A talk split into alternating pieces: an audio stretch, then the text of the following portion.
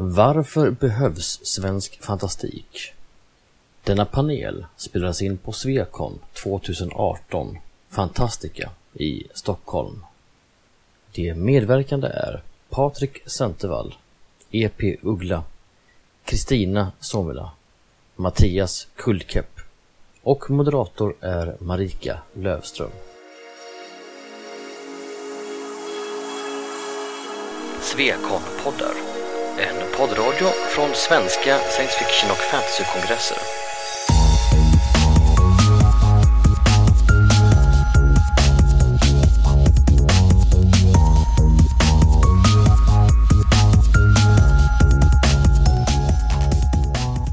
Hej och välkomna till panelen som handlar om varför behövs svensk fantastik? När det här ämnet dök upp som en del av vår panel så började jag genast fundera på behövs svensk fantastik överhuvudtaget? Behövs svensk litteratur överhuvudtaget i dessa anglosaxiska tider?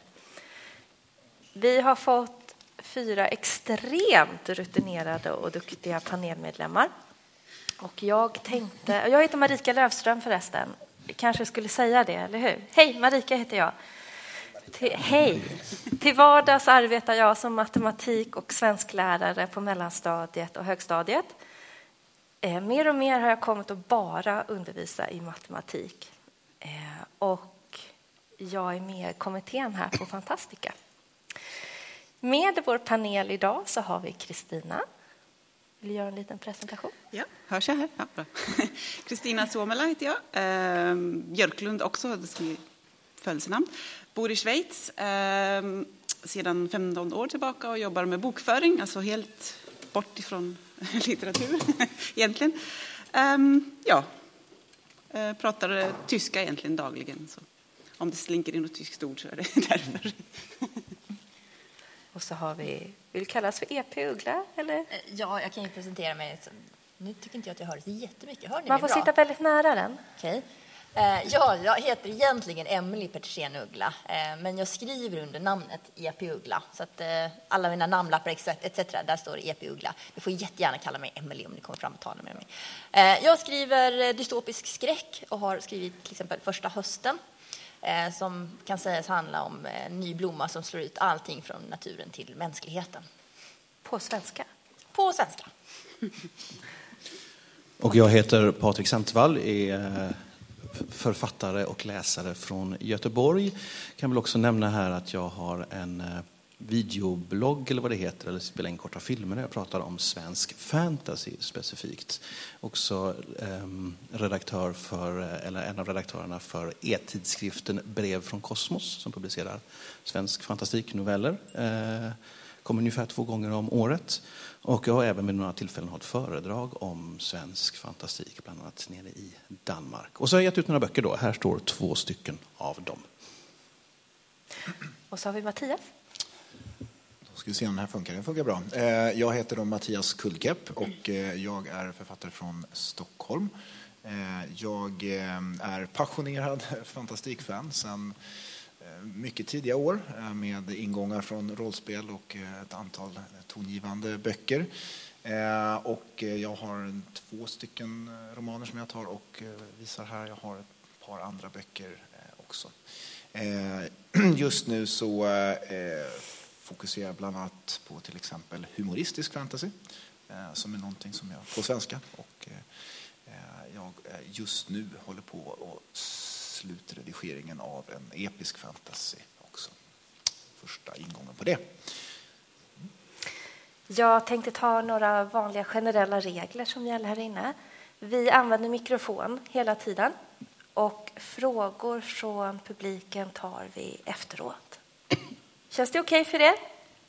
Toppen! När vi satt här inne, vi har också haft en väldigt ambitiös mejllista med varandra för vi vill ju att den här panelen ska bli så bra som möjligt. Då har vi börjat diskutera den här rubriken. Varför behövs svensk fantastik? Och vi har försökt bena upp den frågan. Och varför behövs svensk fantastik? Det är en ganska bra fråga, eller hur? Vi, om jag ska spela djävulens advokat. Vi är ett obskyrt språk, talas av typ ingen i en del av världen där knappt någon bor. Varför behöver vi svensk fantastik när vi dessutom alla som är under 70 talar ganska bra engelska och tyska och franska? Vad tycker ni? Vem vill hugga? Alla ja, ja, men inför, vi träffades lite kort inför det här och då, hade, då, då, då slog det mig för ett löjligt att jag hade inte ett bra svar på frågan innan vi träffades här. Det var, för jag har nämligen känt att det är inte självklart att svensk fantastik behövs, bland annat för att svensk fantastik är inte jättestor ens i Sverige. Det är inte jättemånga som läser den. Men jag tycker ändå att det finns ett behov. Och vad jag skulle säga är det stora behovet är att Fantastik överhuvudtaget behövs delvis för att det handlar om att man ska tänka till lite. Du ska tänka till, vart är världen på väg?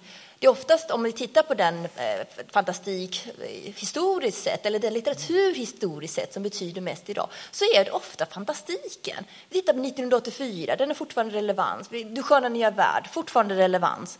Så fantastik är viktigt för att få människor att tänka till. Och då är det viktigt att det sker i en kontext man känner igen. För sker det i en kontext du inte känner igen, då känns det så avlägset många gånger att det känns, ah, men varför skulle det hända här? Och då tog jag exemplet Vildrängs stjärnklart som handlar om att all elektronik slås ut. Och när jag hade läst den så måste jag erkänna att jag blev prepper, lite grann i alla fall. För att det, det, var, det kändes så sannolikt bara för att den utspelade sig i Sverige. Men samtidigt, litteratur handlar ju om att man ska kunna ta del av nya världar och framförallt fantastik handlar om att man ska kunna ta del av nya världar. Så varför kan vi inte göra det på andra språk i sådana fall? Patrik vill säga något. Alltså, det här är också den här saken med att fantastik, förutom det som du sa som jag håller helt med om, så är ju fantastik eh, och framförallt om vi går in på fantasy eller liksom science fiction som är långt borta från, från idag, så är det ju det här, alltså antingen en, en, ett ett förstoringsglas där man liksom zoomar in på vissa saker och ser det på ett annat sätt eller ser också fenomen väldigt långt utifrån. Och, och där präglar ju naturligtvis den kultursfären som författaren har skrivit på boken, även om det är en high fantasy, en episk fantasy en, i en annan värld, så blir det en skillnad på en svensk bok eller en anglosaxisk bok, även om vi är inspirerade av anglosaxisk litteratur. Mattias? Eh, jag håller också med här. Vi, vi har, vi, har, eh, vi måste få till debatt. Ja, men, men eh, då skulle jag vilja föra in andra teman som just den här igenkänningen. Jag tror att den är extremt viktig och jag tror man skulle kunna ha flera exempel på när det verkligen ger Eh, Eh, Fagers till exempel värld, det, det, det, var faktiskt eh, en liknande, eh, det var så jag började min egen författarbana. Jag är ju då Stockholmsbo så jag skrev en Cthulhu-inspirerad promenad i Gamla stan med mystisk musik, någon som fastnade i någon värld långt borta. Och Eh, för mig var det extremt givande att kunna göra det i närheten. Men det finns också, precis som du sa, kulturella och jag skulle vilja ta upp en tredje närhet då från uppväxtåren eftersom jag nämnde min egen rollspelsbakgrund också.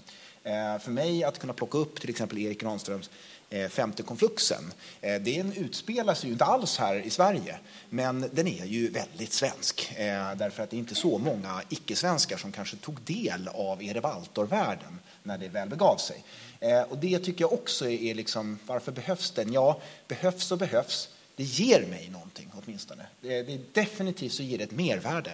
Eh, och jag skulle vilja kontra och säga att kanske Marika, exakt det som du börjar med det där, det är kanske just därför vi behövs det. Vi är ett litet smalt land någonstans långt borta.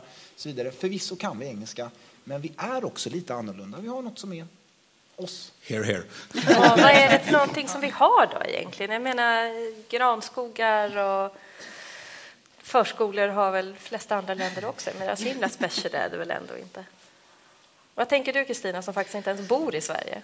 Nej, precis. Ja, men jag tycker eh, framför allt också det här med, med närheten. Alltså, vi är svenskar och man, om man då tar och skriver om en ort som finns så är liksom, det är lite speciellt. Och, visst, man kan också titta på fantasivärldar och sådär, men just skogarna är, tycker jag är helt fantastiska i Sverige. Den här mörka, spännande, mystiska. Alltså, där kan man hitta mycket spännande historier. Alltså jag tänker också att det blir mer och mer mångkulturella. Jag jobbar i en extremt mångkulturell skola mina elever vet inte vad en tall är för någonting, utan de har liksom andra sorters referensramar när det kommer till träd. Så varför mm. behöver svensk fantastik då, om inte ens en träd är en gran? Ja. När skogen inte längre är så himla relevant, för man vet inte vad det är för någonting. För att berätta alltså, att det finns, Ja. tycker jag. Alltså, då, då, om, om man kan få dem, någon att läsa som inte vet vad en svensk skog är, att de kan få läsa någonting om det och kanske lära sig mer om det. Så absolut är det jätteviktigt. Men varför just på svenska?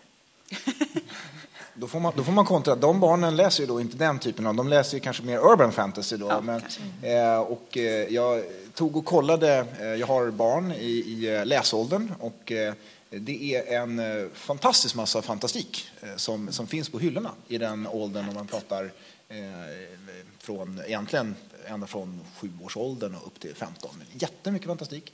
Och eh, faktum är att det är väldigt mycket som är svenskt också. Eh, om man tar och tittar. Eh, Egentligen skulle jag säga mycket mer än för vuxna. Eh, och det tycker jag är spännande. Jag, har, jag vet inte om någon har någon egen tanke. Om ni har sett det till att börja med och om det är så att ni har någon reflektion varför det är så. Ja, men generellt sett så tror jag i, i Sverige så ser vi fantastik som är till för de unga nästan. Eh, Eh, vi erkänner inte fantastik som någonting som vuxna ägnar sig åt. kan man ju se bland annat på eh, förlagen, de stora förlagen. Där kan du absolut ge ut ganska mycket litteratur om du skriver för unga vuxna inom fantastiken. Men skriver du för vuxna, då är det plötsligt ganska svårt ibland antagligen de stora förlagen.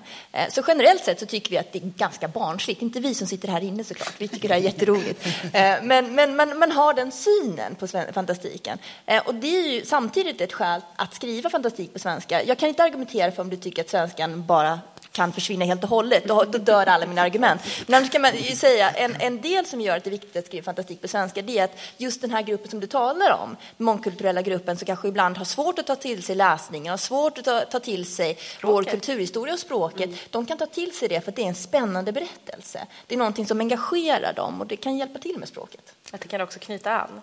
Om jag slutar spela djävulens advokat här. Liksom. Men vad är det för någonting som är typisk svensk fantastik? Vad är det som är så, om vi liksom delar upp den frågan lite. Vad är svensk fantastik? Men vad innebär det med svenskt just i den meningen? Vad är det med svensk fantastik? Nej, men det, det, är ju, det är ju flera olika saker som inleder, men det är lite grann som jag frågade, vad har vi? Eh, i, I formen vad, vad har vi i Sverige? Och en sak som, som vi också pratade om där uppe tidigare är att det vi har det är fred. Vi, vi, Sverige har inte varit i krig, jag tror det är, det är strax över 200 år.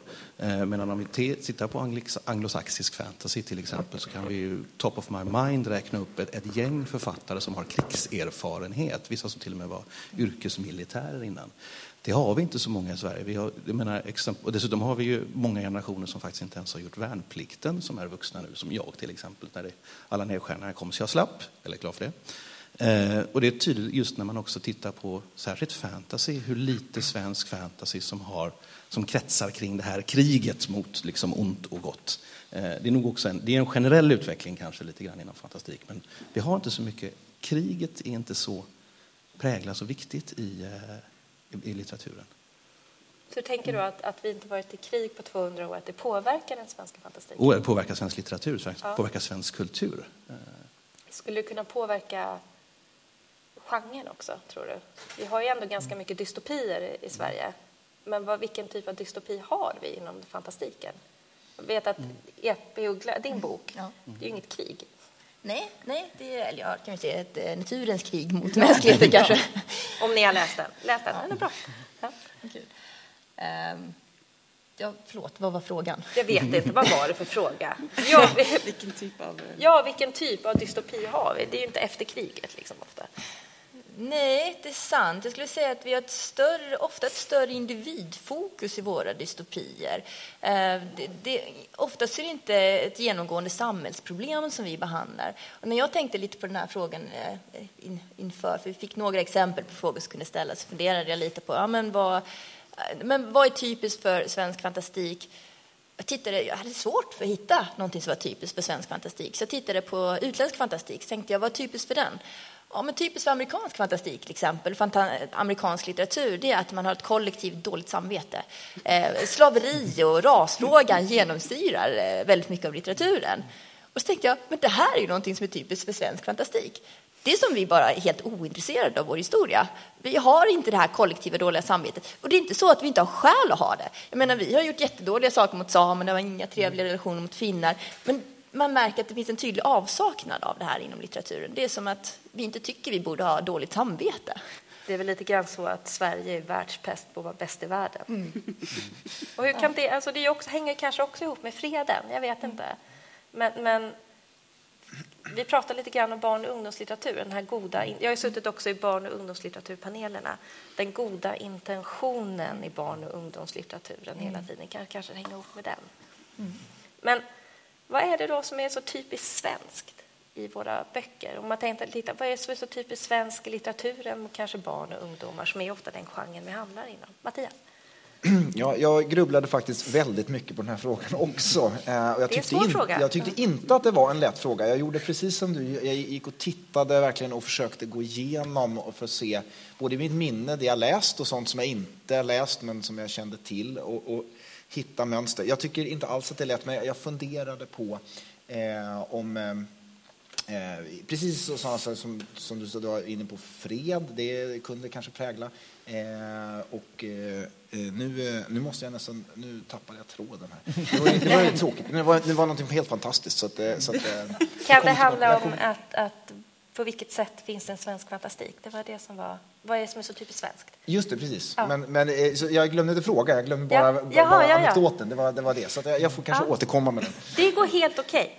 Men, Ehm, ja, jag säga? ja, absolut. Ehm, nu läser jag i princip bara svensk fantastik. Jag har läst nästan ingen utländsk fantastik. Ehm, och eh, mycket då så fantasy. eh, det är ju lite, de utspelar sig, om det är liksom en fantasivärld så är det lite sådär medeltidsaktigt. Det är mycket ehm, örter, man använder örter till läkemedel. Ehm, lite nordisk mytologi tycker jag man kan hitta, eh, eller ganska mycket faktiskt.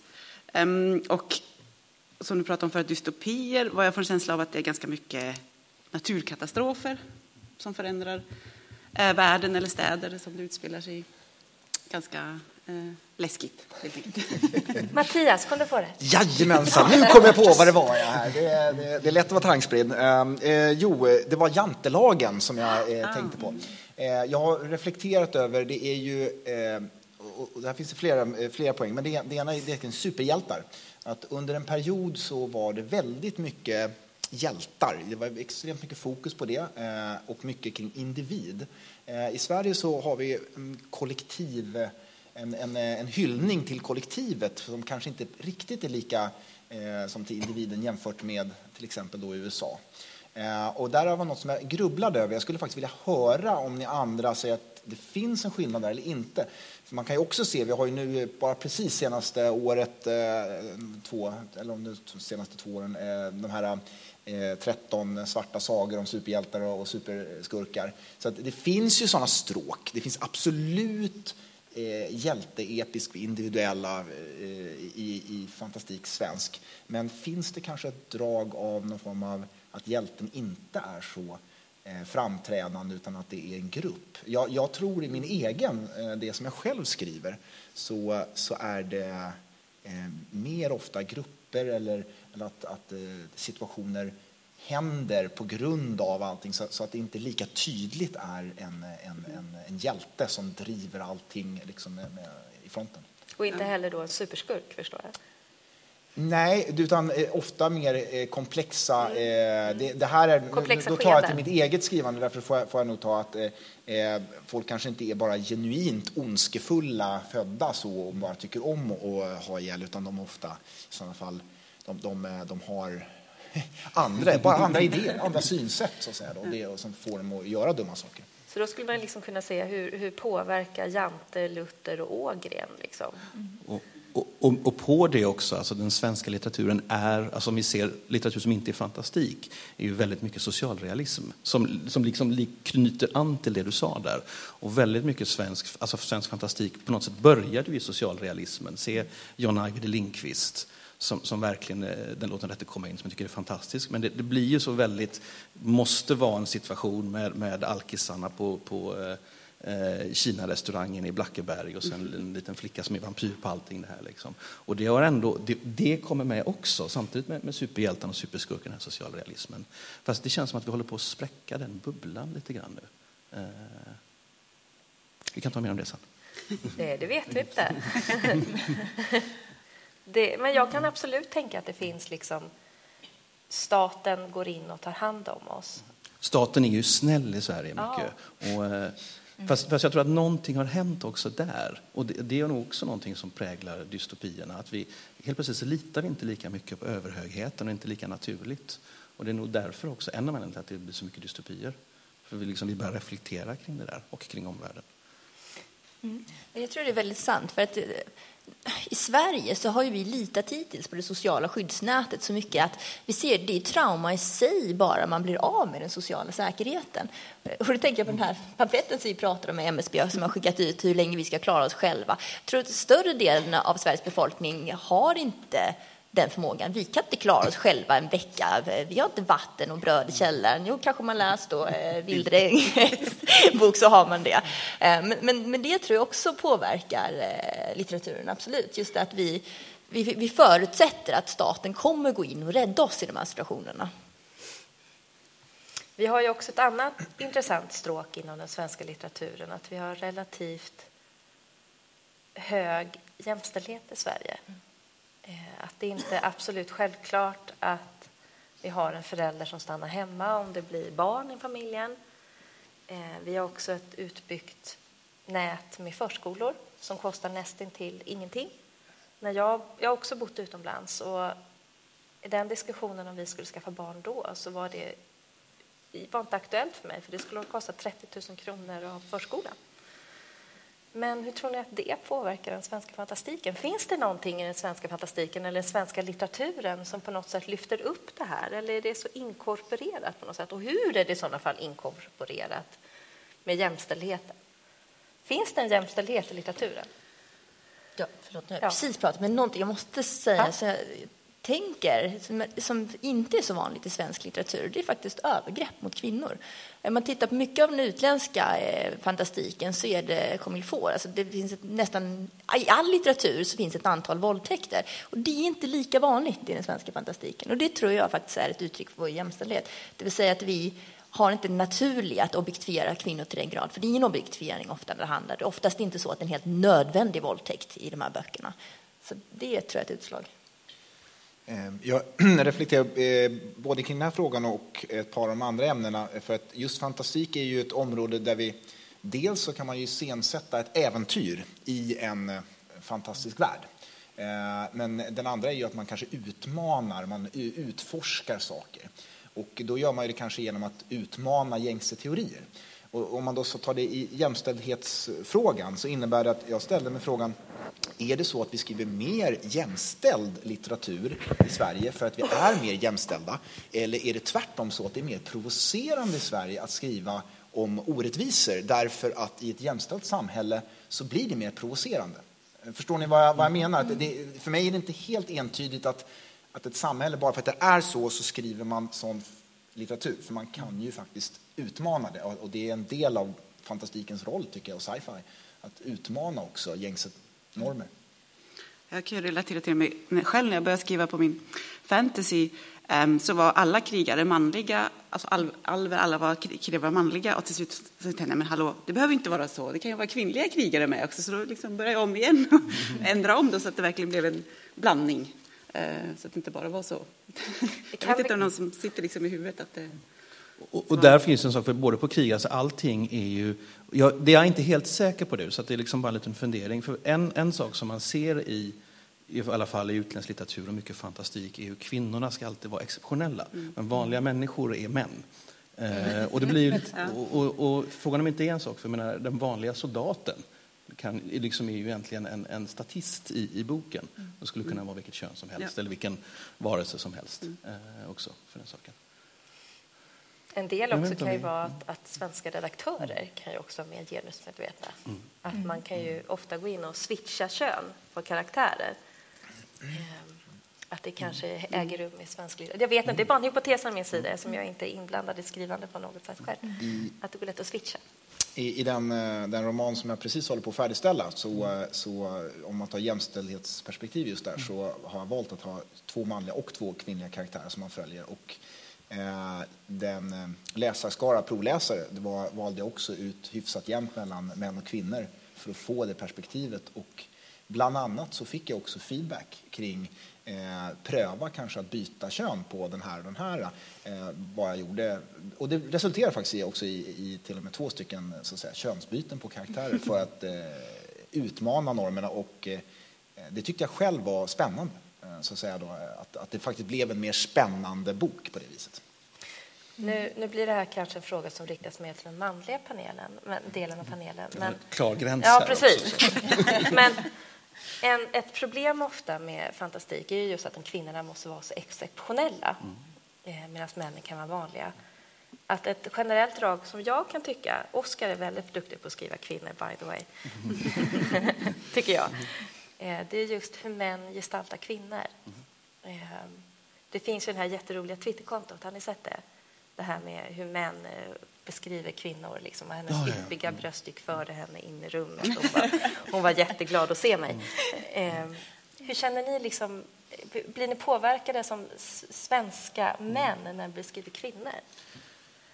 Eh, Det är en svår fråga, jag ja, det är, en jätte, det är en jättesvår fråga. Och jag, alltså, jag, jag, när, när, precis innan den här kom ut så tittade jag just på det här, liksom, här. Hur har jag egentligen beskrivit kvinnor? Och jag var väldigt glad att jag har inte beskrivit det med det så kallade Nej, men du ställde gaze. frågan till men- dig själv. Ja, precis. Jag ställde frågan, kom där. Så jag liksom här, har, har jag fallit i den fällan? Att, och det var nog omedvetet, vilket nog kan bero på att man är liksom som svensk författare inte tänker lika mycket så utan tänker mer medvetet. Men det jag hade gjort däremot var att de åtminstone två personer som båda två ser väldigt bra ut. Och det, jag inser att bara den kvinnliga av dem så har jag skrivit att hon var vacker. Men den manliga så har liksom beskrivit att han är snygg men inte använt ordet snygg eller vacker på honom. Och det reagerade jag på mig själv på. att Varför gjorde jag inte det? Eh, så att lite grann faller man i den fällan ändå. Eh, jag, jag eh, tycker att det finns... Det här är en, det är en knepig fråga. Jag tycker det finns någonting, det finns någonting väldigt positivt i det att jag tycker att man, man tar och lyssnar mycket på omvärlden, andra författarkollegor, vad som händer i litteraturen etc. Som jag tror resulterar i en mer jämställd framställning.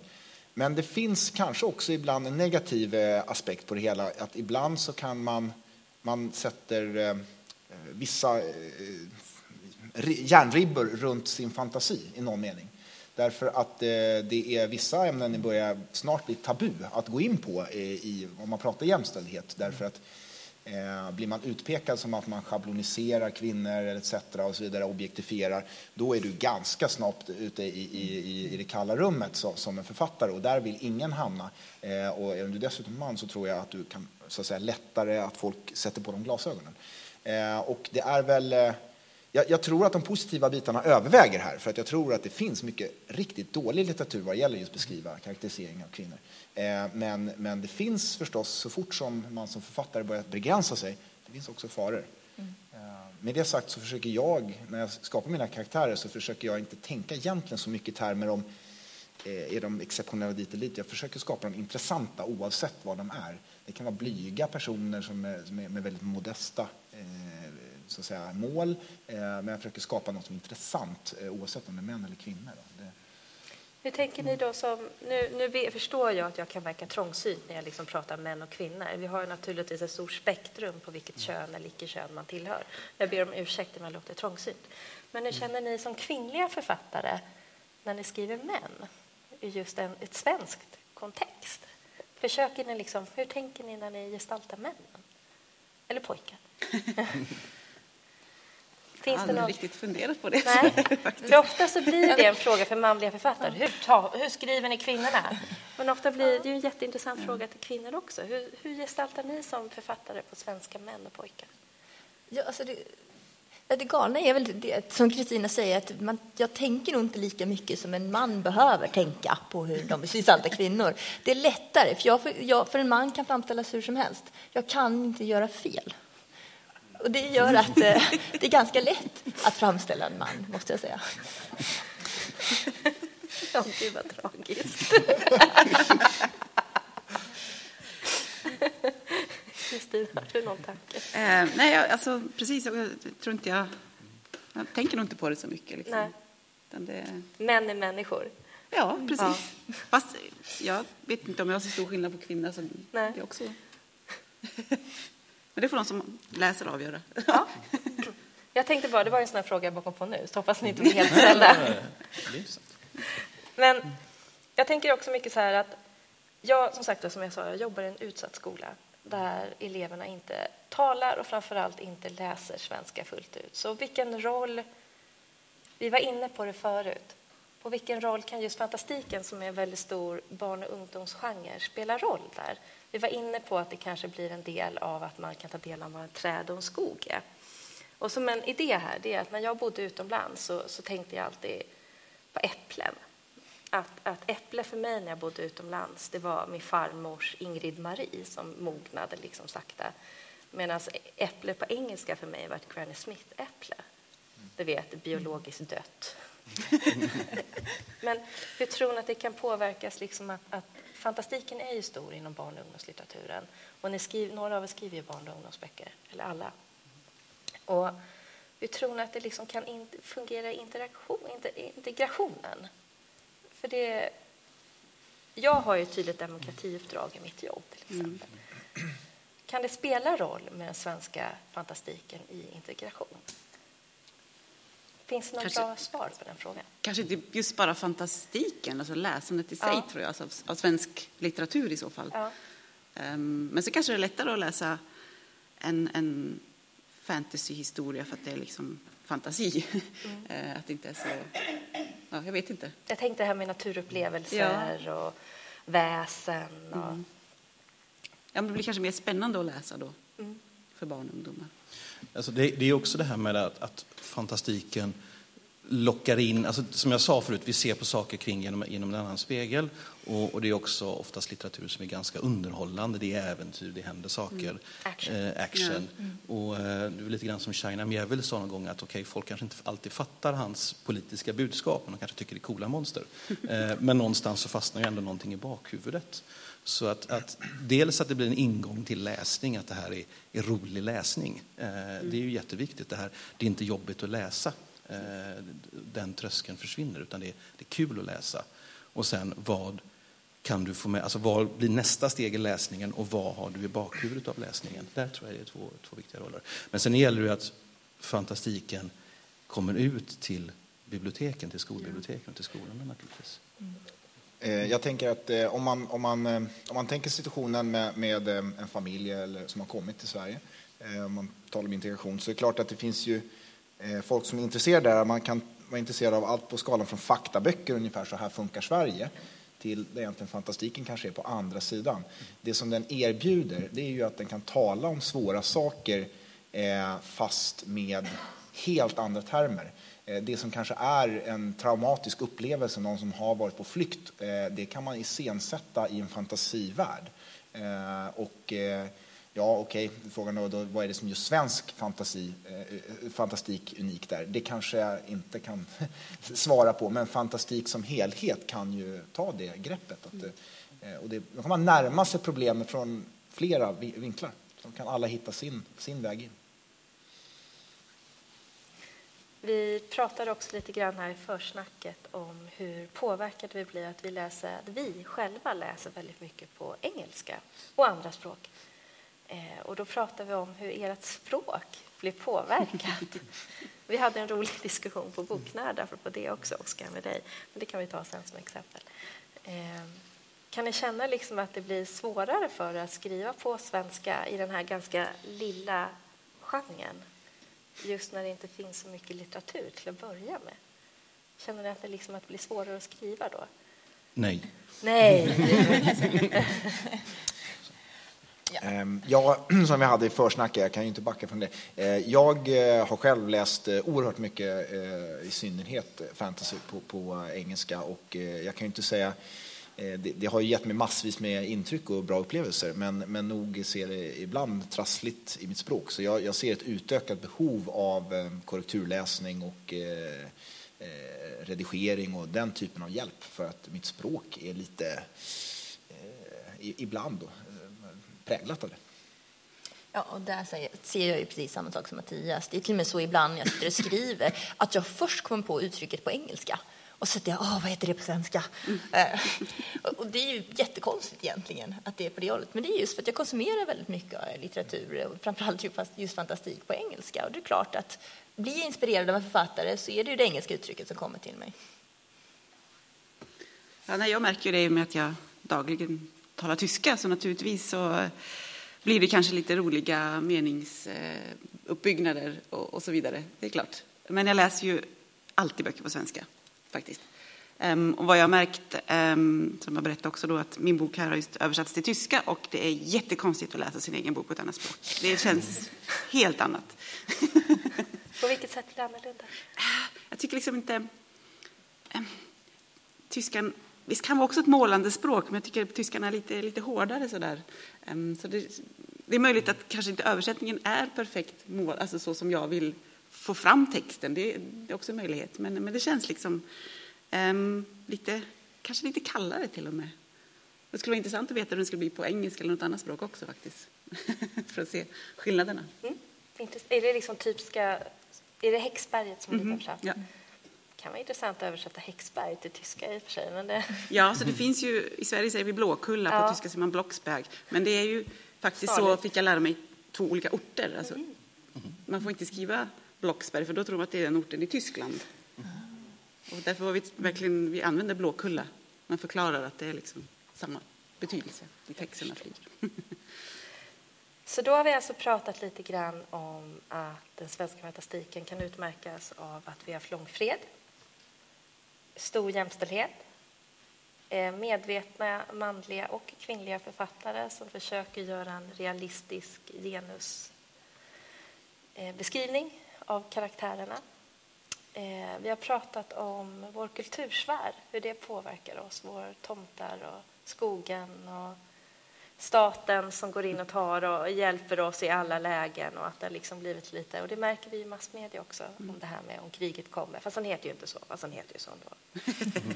eh, är det någonting vi har glömt att prata om eller någonting vi skulle ta upp om varför svensk fantastik behövs? Du blev det tyst. Nu det tyst. Nej, det, det finns ju så många fler ämnen att, Ja. djupdyka sig i. Jag har ju på mig den här äventyrspelströjan lite grann, av, av en, inte av en slump. För det är ju ändå någonting att rollspelen fick så stor betydelse för ganska många människor. Det var ju mest unga män, får man ju säga, när, när det kom. Men sen så blev det ju en hobby för, för både pojkar och flickor. Eh, och det är någonting som har fått många att få upp ögonen för fantastik, fått upp ögonen för sin egen berättarkonst. Man sitter där och är, är spelledare och helt plötsligt kommer på att men vänta, jag kan ju berätta. Eh, och det, är- det är många som, som vittnar om att det har haft en stor betydelse. Eh, det tror jag är viktigt att, att nämna. Vi tänkte avsluta det här med frågor från publiken. Och ja, vad en tillfällighet så Oscar. Eh, vi tänkte även avsluta med när frågorna är slut med att författarna får säga något kort om sina böcker. Men vi kan börja med Oscar. Eh, ja, just det, så skulle vi göra. Tack. Jo, ähm, jättemånga bra poänger. Tack för en fantastiskt fin panel. Tack. Bara en enda grej jag funderar på. Det svenska vemodet. Vi släppte ju för några år sedan en antologi via Affront till, eh, som var på engelska. Det var en massa svenska science fiction-noveller eh, på engelska då, för den amerikanska marknaden. Och den respons som vi ofta fick från recensenterna var typ att ja, det här var ju kul med svensk science, science fiction, men vad mörkt det är. Och vi tyckte att, nej, men vadå, det här är väl som, som vanligt. Så min fråga till panelen kanske är, när vi nu har det så bra, varför är det då så mörkt? Det är lite grann det vi var inne på med dystopierna. Ehm, Ja, ja, min, min första tanke är faktiskt eh, det vi var inne på tidigare. Bara för att man har det bra behöver ju inte betyda att man eh, skriver om det, utan det kan ju vara att man utforskar motsatsen. Så att eh, kanske just för att vi har det så bra så, så skräms vi och, och vill utforska motsatsen, det vill säga riktigt, riktigt, ha det riktigt dåligt. Det är en, en reflektion. Eh, jag är säker på att andra kan komma med andra. Ja, en annan tanke skulle ju vara faktiskt att människor inte känner, vi har det jättebra, men att vi inte känner det så.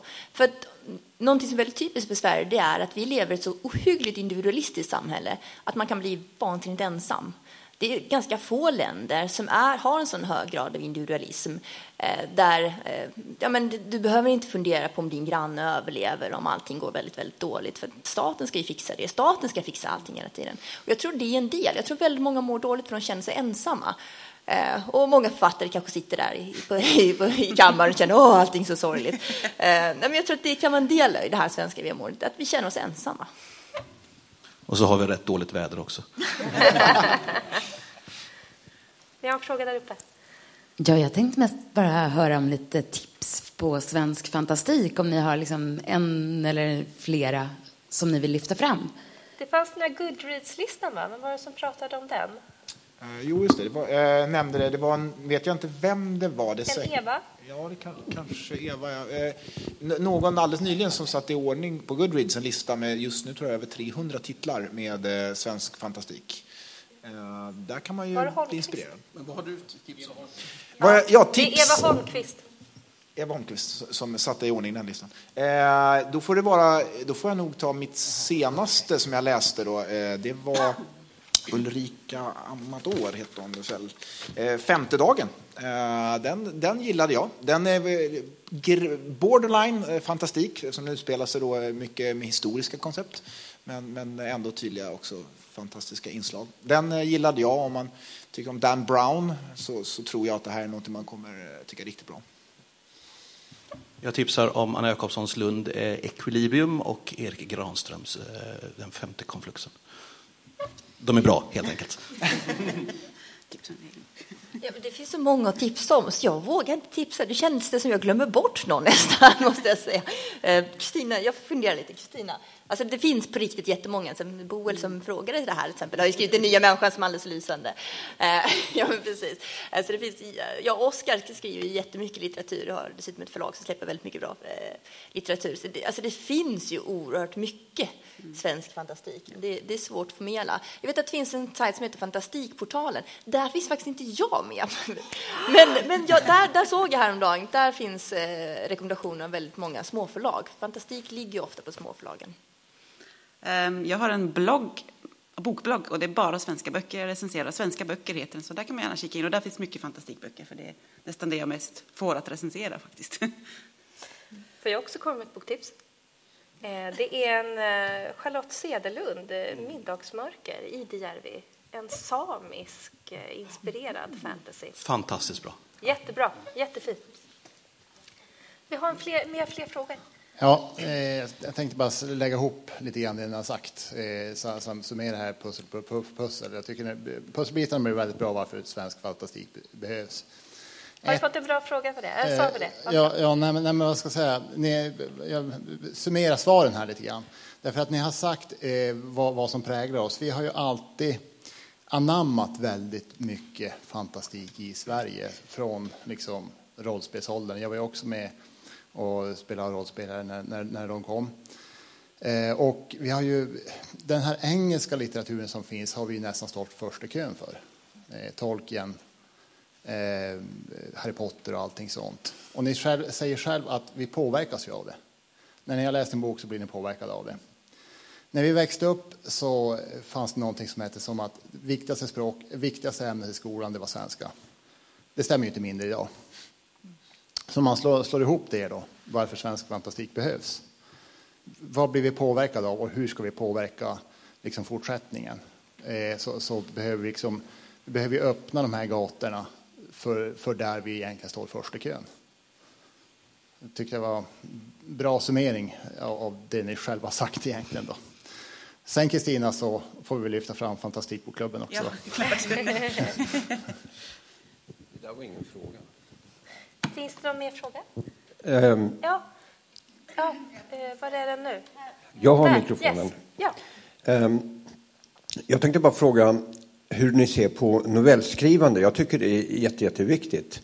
Och det har börjat komma en massa med antologier och så på sista tiden med svenska noveller. Sen vill jag bara ge en liten, liten plugg för fantastiknovelltävlingen. Det sitter information uppe på ett par ställen här.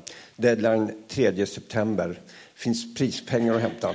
Men hur ser ni på novellskrivande? Det verkar som ni mest skriver romaner. Jag skriver ju mest noveller och jag kan ju säga att, att jag kom ju på, för några år sedan, tredje plats i den här fantastiknovelltävlingen. Och det betyder otroligt mycket för mitt skrivande, så skicka bidrag till den. För det är, dels är det jättekul att den finns och dels är det, kan det ge en, en push framåt.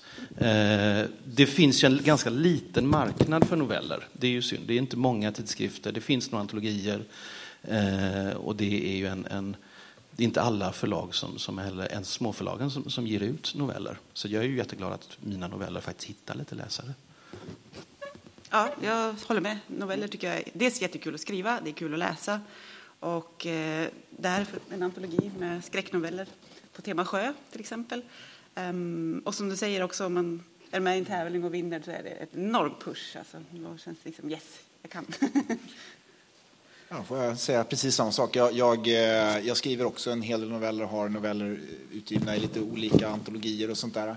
Eh, och eh, jag har också, jag har vunnit en novelltävling. Det var en enorm kick. Så att det, det, noveller tycker jag är superviktigt. Jag tror också att den är fantastiskt viktig för att få in nya författare. Mm. Därför att det är rätt utmanande att det första du gör är att nu ska skriva en, en roman. Mm. De flesta prövar på noveller. Så eh, det är också fantastiskt viktigt. Nu har vi en sista fråga. Jag tänkte bara säga att vi ska tänka på att vi behöver försvara svenskan. Eh, småspråk behöver försvaras. Det lär fransmännen tänka mycket på. Vi är hotade av engelska. Och till exempel naturvetenskapen på KTH så börjar bara komma allting på engelska. Doktorsförhandlingar. Vi får inte en begreppsapparat. Och du sa någonting där om att du hittar inte svenska begrepp. Så det är helt självklart att det är bra att vi får på svenska inom alla områden. Och, och, och sen tänkte jag säga med det där mörkret, att vi skriver så mörkt. Det är det, kanske att vi har uppnått allting. Vi har blivit uttråkade. Jag anklagar ju nu alla politiska partier att de inte har några idéer. Och Socialdemokraterna som red ju högt på att skapa folk, folkhemmet och så vidare. Det, det är fixat nu. Vad ska vi göra sen? Urtråkigt då kan ju vara bra med science fiction när vi skapar problem. Vi har inga naturliga problem. Okay. För övrigt, väldigt intressant diskussion. Tack så mycket. Tack. Nu hann vi inte göra några boktips, men kom på signeringarna. Jag signerar nu, faktiskt. Jag ska precis... Av en slump nämner vi det. Men tack så hemskt mycket.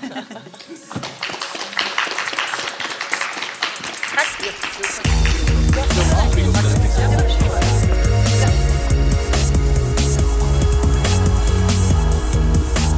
Musiken av Psychedelic Pedestrian från Free Music Archive.